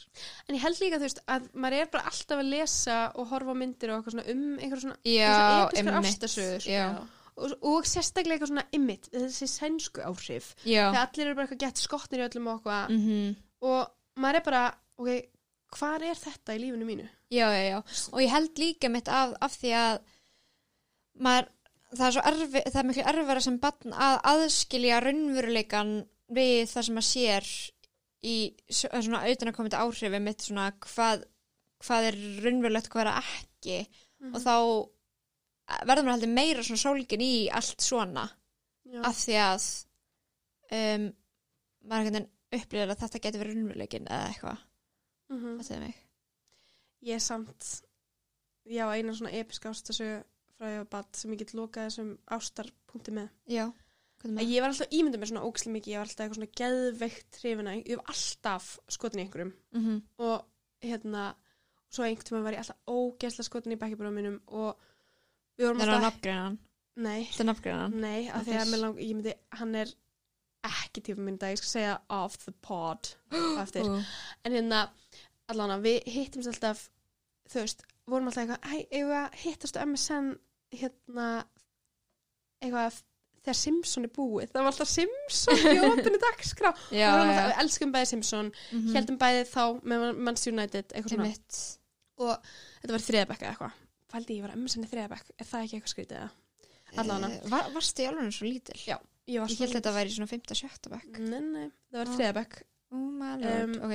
og já, og, og svo bara var það ekkit úr því, við vorum bara alltaf að spjalla en þú veist, svo var það ekkit úr því. Mhm. svo í fjörðabekk þá kallar vinur hans einhvern tíminn þegar ég er á leiðinni heim á skólanum bara uh, þessi var skotið niður í þriðabekk og ég var bara, oh, pældi því ef við hefðum verið í God. Ef og Adam heiminum já, það hefði þetta kannski bara verið episk ástasa já.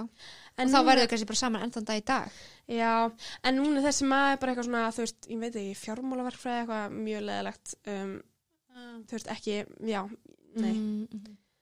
uh, en bara vondi lífi, góðu lífi. Já, með allan að, hérna, va, þetta var ekki fyrsta og eina skipti sem ég var skotin í honum. Ég, þetta var svona svolítið að rótera svona já, já, já, nokkrum einmitt, einmitt. nokkur einmitt, ég gerði það líka sko, ég man eftir því. Ég var alltaf bara, ég átti bara alltaf að kærast það já, Katla var alveg ég var sko grimm Wow. Ég var það. Það var bara, ég var bara með bara svona trail of men behind me. oh my God, ekki öfundsvært í dag en Nei. var öfundsvært þá Var og þá. Uh, er það ekki í dag og ég hef nú þróast um, og, og, og breyst til eins betra myndi ég halda sko. ég, þið voru líka alltaf að skrifa ykkur ástabrif eða það ekki, eða þið voru með eitthvað svona mitt, þú veist, ég átti eitt kærsta þegar ég var 12 ára í þrjár vikur og það var ekki, þú veist, við kistumst eins og neða tvisvar eða eitthvað og mér varst að gegja og svo bara var það ekkert, svo var það bara búið. Sko ég skrifaði, ég man að þetta var mjög dramatísta að hérna það voru sammeilið vinir, það voru vinir mínir sem voru saman.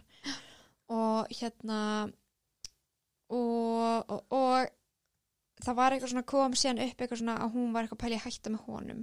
Og hann var eitthvað, oh my god, hvað ég gera? Og ég sagði ég var the little cupid that I am. Uh, sagði hann um að skrifa undir einn bref og við fórum saman. Mamma hans skuttlaði okkur upp í átinn rauða rósir í Hamraborginni. Við kjöptum eina rauða rós og síðan var hann svo meðutur um hvað hann væri lélur í að skrifa þannig að ég skrifaði ástarbref God. til vinkonu minnar frá kærastunum hennar Vá og við fórum saman heim til hennar og gáum henni brefið og fórum síðan heim Og hvað gerðist? Þú veist, hætti þið saman að? mm, já, einhvern tímpúndi Já en ég held að hún í meðvirkirskasti hafi ekki gert það strax af því svo ringdi ég í hana því hún ringdi ekki í mig sko, ég ringdi í hana og bara eitthvað ertu eitthvað búin að tala við hann? Þú veist hvað hva máli?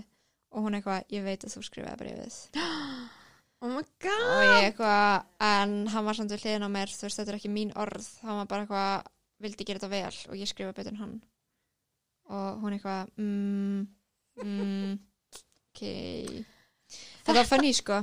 Þetta er eins og saga úr Adam Höfu sænskri eh, ung, ung, Já, svo mikið sko. Ég er, ég er Anna, besta vinkona Evu í Ah, Eva Adam sko. ok. Ah, Interesting. Já, ég held það.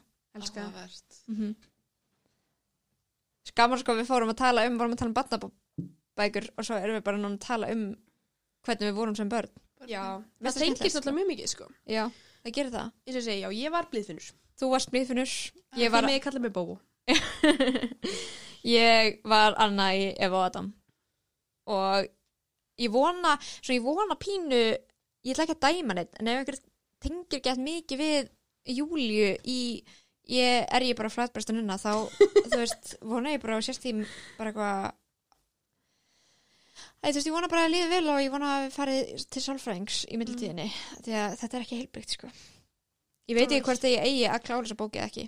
Ekki gera. Ég vil melta það En þú veist, ok, að því ég er að reyna að lifa eftir einu sem ég heyrði um daginn sem Mhm. er, þú veist, maður er, mm, þú veist maður passar það sem maður lætur ofan sig, auðvitað er maður stundum þú veist, fær maður sér eitthvað drastlmat og það er Mhm. næs, skiljum mig. maður þarf stundum að, þú veist mm e, neita drastlmenningar já. Það er geggjað. Mm og þú veist, það er náttúrulega allt á sama ég trú ekki á láminningu og háminningu en Nei. bara svona hugs, hlusta á sinn einsmekk -hmm. og hugsa þetta er líka eitthvað sem ég er að neyta þú veist, ef ég ef þess að ég lend sem í því að vera bara eitthvað svona að horfa á eitthvað drastlsjónvarp Mm -hmm. að mér finnst það alveg gott í smá stund en svo er Mhm. ég bara eitthvað, uff þá er líðið mér smá eins og ég hafi verið að borða Dominus pizza í þú veist, marga dæruð talandi um þetta veistu hvað ég gerði í gær ég fór borðaði bæði á pizza 67 og kási á Salfossi ok, love it. Takk fyrir mig. En ég bara, drakk líka grænan safa á þann þannig að þú veist, ég er búin að vega upp á móti. En já, Það er jafnvæg. já. En já, kontu að halda áfram punktunum. Mér fannst bara eins og ég þurfti að segja frá tala um þetta, Mhm. segja frá þessu. Nei, það er bara mikilvægt að næra hérna sál, huga og líkama já, með því sem að gera manni gott. Já, sem er stundu kási á Salfossi eða Já, pizza 67 Einmitt. algjörlega og kannski bara að lesa er ég bara flætbröstu nunna Ég meina það gæti skapa einhverja nýja hugsun sem gæti Mhm. haft áhrif á eitthvað annað Mhm. jákvætt í líðinu. já, algjörlega jú, jú Ég held að eftir þetta fer ég sinna að lesa kannski ykkur bók sem ég er svona spennt fyrir og ég held að geti Mhm. verið næs en mér langar Næstu pínu að lesa hana líka bara til þess að, já næstu tvælætt mitt það er að fara að vera það er að fara að vera mjög svona góð svona reynsandi heilnæm bók fyrir mig til að lesa eftir barnabóka törn. Nei en ég held að þetta geti líka skapa skemmtilega umræðu sko Mhm. að hafa lesað hana síðan fullorðin Mhm. um, Algjörlega. sérstaklega fyrir þá sem elsku þessa bók þegar það voru litlir mm Totally. Totally En þá held ég að við segjum þetta bara gott í byli Við erum bara að tala mjög lengi En mér varst gaman mér slíkt Við bara erum, ég er ykkur nostalgíu kasti right now. Mhm. Við gætum talað í allan dag. Ég held það. Ég Það held að margt- það geti verið fimm klukkutíma podcast áttur. Mhm. Ef Vala var ekki hérna, þá væri þetta 5 klukktum Ég er bara svo mikið, sko. Að því við myndum Svo bara að gleyma mikið. okkur. Já, En það er gott að hafa þig. Ég held ég- Það einhverja stjórn á okkur. já, Eitthvað já, já, taumhald, sko. já. Takk fyrir að vera með taumhald, Vala. Yes, Af því að í course. þá væri þetta svona uh, fjögra partas serja bara af mér og Agnes að tala. Mhm. Segja af hverju þú ert tíma og nýja pumpa. Já. Oh, æ, af hverju þurfti ég að segja þetta? Af því núna, Nei, Nei, það nei. er næsta þá. já. Við verðum að fá Agnes aftur. Mér finnst mjög gaman með þér hér í dag. Og þá getum við talað um af hverju Agnes og Pumba og ég tímon. Já. Um, og þá getum við kannski bara tekið dúat líka ef út í það farið. Já. Ég er líka til í að heita og fullta öðrum hlutum sem Katla elskar. Getum þú veist, þetta er alveg skemmtilegt. Uh, Mhm. svona, já, ég er alltaf til í Þetta að mjög spennandi. tala í mikrofón, sko. Mér finnst það ekki leðilegt. Nei. Um, okkur finnst aðtekli svo sem ekki leðileg. Nei. Okkur sýsturum. En uh, takk hérlega fyrir að koma, Agnes.